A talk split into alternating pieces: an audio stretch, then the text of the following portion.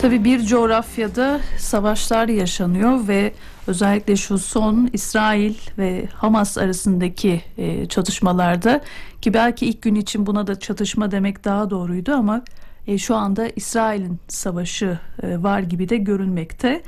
Ve tabii bizler de vatandaşlar olarak sosyal medyada, haber platformlarında, internet portallarında e, konuya dair insani duyarlılığımızın da yüksek olması sebebiyle sürekli bu konuları araştırıyoruz, bakıyoruz. Araştırmasak bile bazen önümüzde çok sayıda maruz kaldığımız görüntüler de olabiliyor.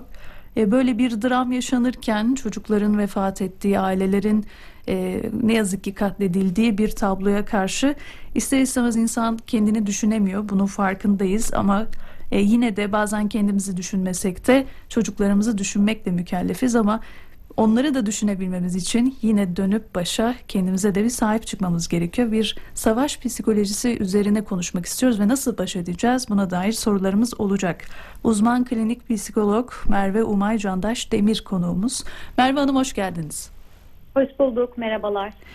Merve Hanım şimdi tabii pandemiyle ilgili aslında başlayan bir süreç vardı. Ondan öncesinde de belki çok sayıda e, zorlu şartlar yaşadı e, dünya kendi içerisinde ama pandemi bir anda e, belki de tek bir tuşla bütün dünyayı durdurabilecek bir hale getirdi. Yolların akmadığı ve sistemin işlemediği, bizim alışık olmadığımız bir yaşama getirdi. Peyderpey devam ederken de tam çıktık derken bir başka savaş başladı. Rusya-Ukrayna savaşı ve şimdi de hemen yakınımızda ve Müslüman bir devlet diye görüyoruz ama e, gerek İsrail'de gerekse e, Filistin'de tabii ki bir çocukların, masumların ölmesini istemediğimiz farklı bir dava var.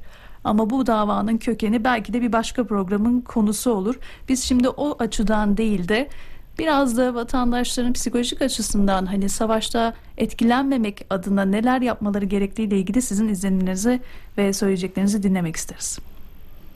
Ee, çok teşekkür ediyorum davetiniz için. Ee, öncelikli olarak belki bu savaşın e, travmatik etki yarattığı artık hepimiz tarafından bilinen bir gerçek. Buradan Hı-hı. başlamak gerekirse eskiden e, savaş bizde nasıl bir travmatik etki yaratıyordu? Birinci Dünya Savaşı sonrası savaş travması tanımlanmış ve shell shock kavramı, sendromu ortaya atılmış. E, sadece alana giden, e, çatışan, sıcak çatışmaya giren, savaş alanında, meydanında bulunan kişilerde, askerlerde bu belirtileri gözlemlemişler.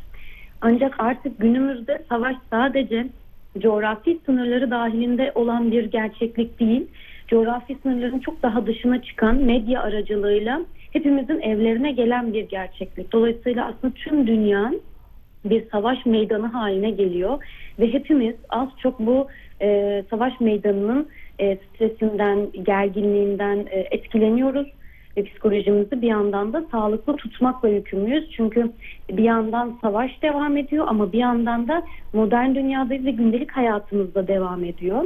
Biz bu haberler ve görüntüler eşliğinde bir yandan psikolojimizi korumak zorundayız. O yüzden hani bu konu e, çok kritik bir konu diye düşünüyorum ben de. Evet. Nasıl yönetebiliriz peki? Çünkü bir yandan buna duyarsız kalamıyoruz. Tabii duyarlı olmak nedir? Belki onu da açmak lazım. Yani devamlı o görüntülere maruz bırakmak kendimizi bir duyarlılıkla eşdeğer sayılmalı mı? Bazen bununla ilgili de iç dünyamızı yokluyoruz. Hani hala böyle bir tablo yaşanırken kendimizi mi düşünüyoruz diye ama bu sizin dediğiniz gibi e, daha bambaşka bir konu. Sağlığımızı koruyamazsak zaten bu konunun e, iyileşebilmesi adına da kendi sorumluluklarımızı yerine getiremeyecek bir hale geliriz. O yüzden o kavramı nasıl açmamız gerekiyor? Duyarlı olmak nedir? Duyarsız olmak nedir? Ve bunun akabinde çıkan olumsuzluklarla ilgili e, nasıl yönetilmeli? Hatta bununla ilgili ilk belirtiler nedir?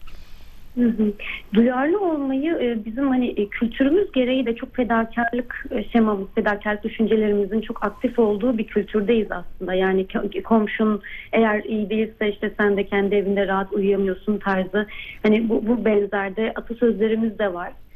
Dolayısıyla bu anlamda yanı başımızdaki bir savaştan etkilenmememiz mümkün değil ki uzun yıllar süren bir savaş, çatışmalar uzun yıllardır hep takibimizdeydi atışmalar, bombalar vesaire ölüler ama şu an artık iyice e, savaşa dönmüş durumda dediğiniz gibi ve biz buna karşı duyarlı olma içine giriyoruz. Ama duyarlı olmakla kendimizi aşırı düzeyde maruz bırakmak ve kendimizi korumasız bırakmak, kendimizi yıpratmak e, arasında bir sınır çizemiyoruz. Biz bunu bir bencillik gibi algılıyoruz kültürel olarak da. Hı hı. Ama bilimsel çerçeveden baktığımızda aynısını depremde de yaşadık aslında. Depremde Evet. E, o coğrafyada yaşamayan, daha şehirlerde olanlar biz orada değiliz, onların yaşadığını yaşayamıyoruz. E, hayatımıza nasıl devam edeceğiz, onların hayatı kökten değişti gibi bir hayatta kalanın suçluluğu diye adlandırdığımız bir e, durum içerisine çekilmiştik. Ama baktığımızda duyarlı olmak, yapabileceğimiz bir şey varsa eğer el atmak, yardımcı olmak, üstümüze düşen görevi yapmak ve yapamayacağımız noktada da kendimizi korumak kendimizi korumak bencilliğin ötesinde hem e, kendimize hem ailemize hem de topluma faydalı bir birey olabilme açısından aslında görevlerimiz arasında. Dolayısıyla buradaki o kalkanımızı iyi e, çekmemiz gerekiyor. Hı hı. Şimdi travmatik stres e, orada olanlar için ya da orada yakını olan, ailesi olanlar için çok birincil düzeyde.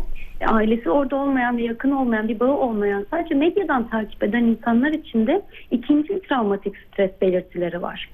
Bu belirtiler nedir diye baktığımızda gün içinde agresif olmak, e, toleransımızın düşük olması, huzursuzluk, e, dünyaya dair dünya güvenilir bir yer değil. Her an başımıza her şey gelebilir varsayımlarının e, depreşmesi, insani ilişkilerimizde bozulma, e, farkında olmadığımız bir huzursuzluk yani içimizde bir gerginlik ve odaklanma güçlükleri, dikkatimizi toparlayamamak, uykuda bozulma e, ve bunun beraberinde de e, sürekli olarak elimizde ya da televizyonda işte bilgisayar ekranından oradan haber almaya çalışmak, güncel ve son dakika haberlerini takip etmek, biraz da böyle duyarlılığı çok çok yüksek olan bir insansak eğer kendimizi korumamız da güç oluyor ve sürekli kendimizi tekrarlayan bir şekilde bu görüntülere, bu malzemeye, savaş e, içerikli malzemeye maruz bırakmak.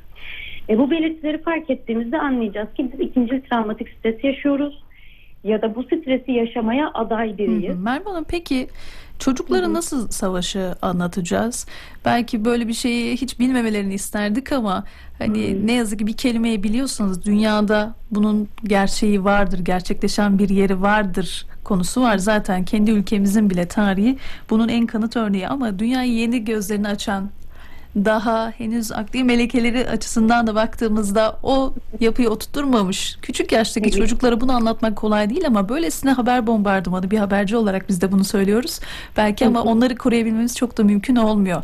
Mecburen bir şeylere maruz kalabiliyorlar. Sizin kontrolünüz altında olmayan bölgelerde e, bir okulda veya dışarıdaki etkinliğinde. Peki nasıl anlatacağız biz onlara savaşı? Evet bizler nasıl etkileniyorsak çocuklar da etkileniyor. E, bu anlamda hatta çocuklarla yapılan araştırmalarda e, 2003 yılında bir araştırma vardı bombalama eylemi İstanbul'da. E, şahit olan olaya çocukların %51'inde travma sonrası stres bozukluğu belirtileri gözüküyor. E, şahit olmayanlar ise sürekli televizyondan maruz kalarak e, %17-14 oranında bu belirtileri sergiliyorlar. Dolayısıyla çocukları korumamızın birinci basamağı çocuk duygusunu ve düşüncesini aile içinde belli etmeli ve çocuğumuzun e, fikrini, duygusunu evde dinlememiz gerekiyor. Evde onu bu maruz, e, onu savaş haberlerine, görüntülerine, örneğin ağlayan çocuk, e, eli yüzü kan olmuş çocuk, kanlı çocuk kıyafetleri, görüntülerine maruz bırakmamamız gerekiyor. Ama bir yandan da çocuk savaşla ilgili ne biliyor? Bunu anlamamız lazım. Bu yüzden çocuğa sorular sormalıyız. E, ya da çocuk bize bir soru soruyorsa bunu geçiştirmemeli, onu dinlemeliyiz. E, ve belki somut işlem dönemindeyiz eğer çok küçükse haritayı açıp haritadan ülkenin yerini gösterip nerede yaşandığını bu çatışmanın gösterip ama kendisinin güvende olduğunu e, ülkemizde böyle bir savaşın olmadığını göstermek çocuklar için faydalı olabilir ama yapacağımız şey mutlaka hani duygularını sormayın üstünü kapatın aman kaş göz yapın kendi aranızda ve duymamazlıktan gelin dersek bu çocuklar için daha da büyük travmatik etki yaratıyor diyebilirim. Hmm, yani aslında onu tanımsız bırakmak da çok iyi bir çözüm değil. Değil kesinlikle Hı hı. evet. Onun duygularının ne anlama geldiğini bir şekilde tanımlamasına yardımcı olmak önemli olarak çıkıyor. Ama tabii hakikaten üzülüyoruz.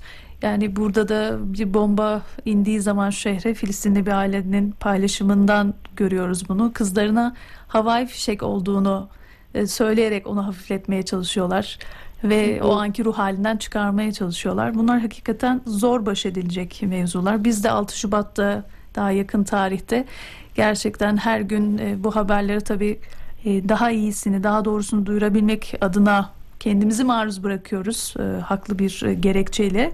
Ama böyle içimize sanki kara bir duman yutmuşçasına böyle onu teneffüs etmiş de akciğerimize oturtmuşçasına bir hisle dolaşmaya da başlamıştık.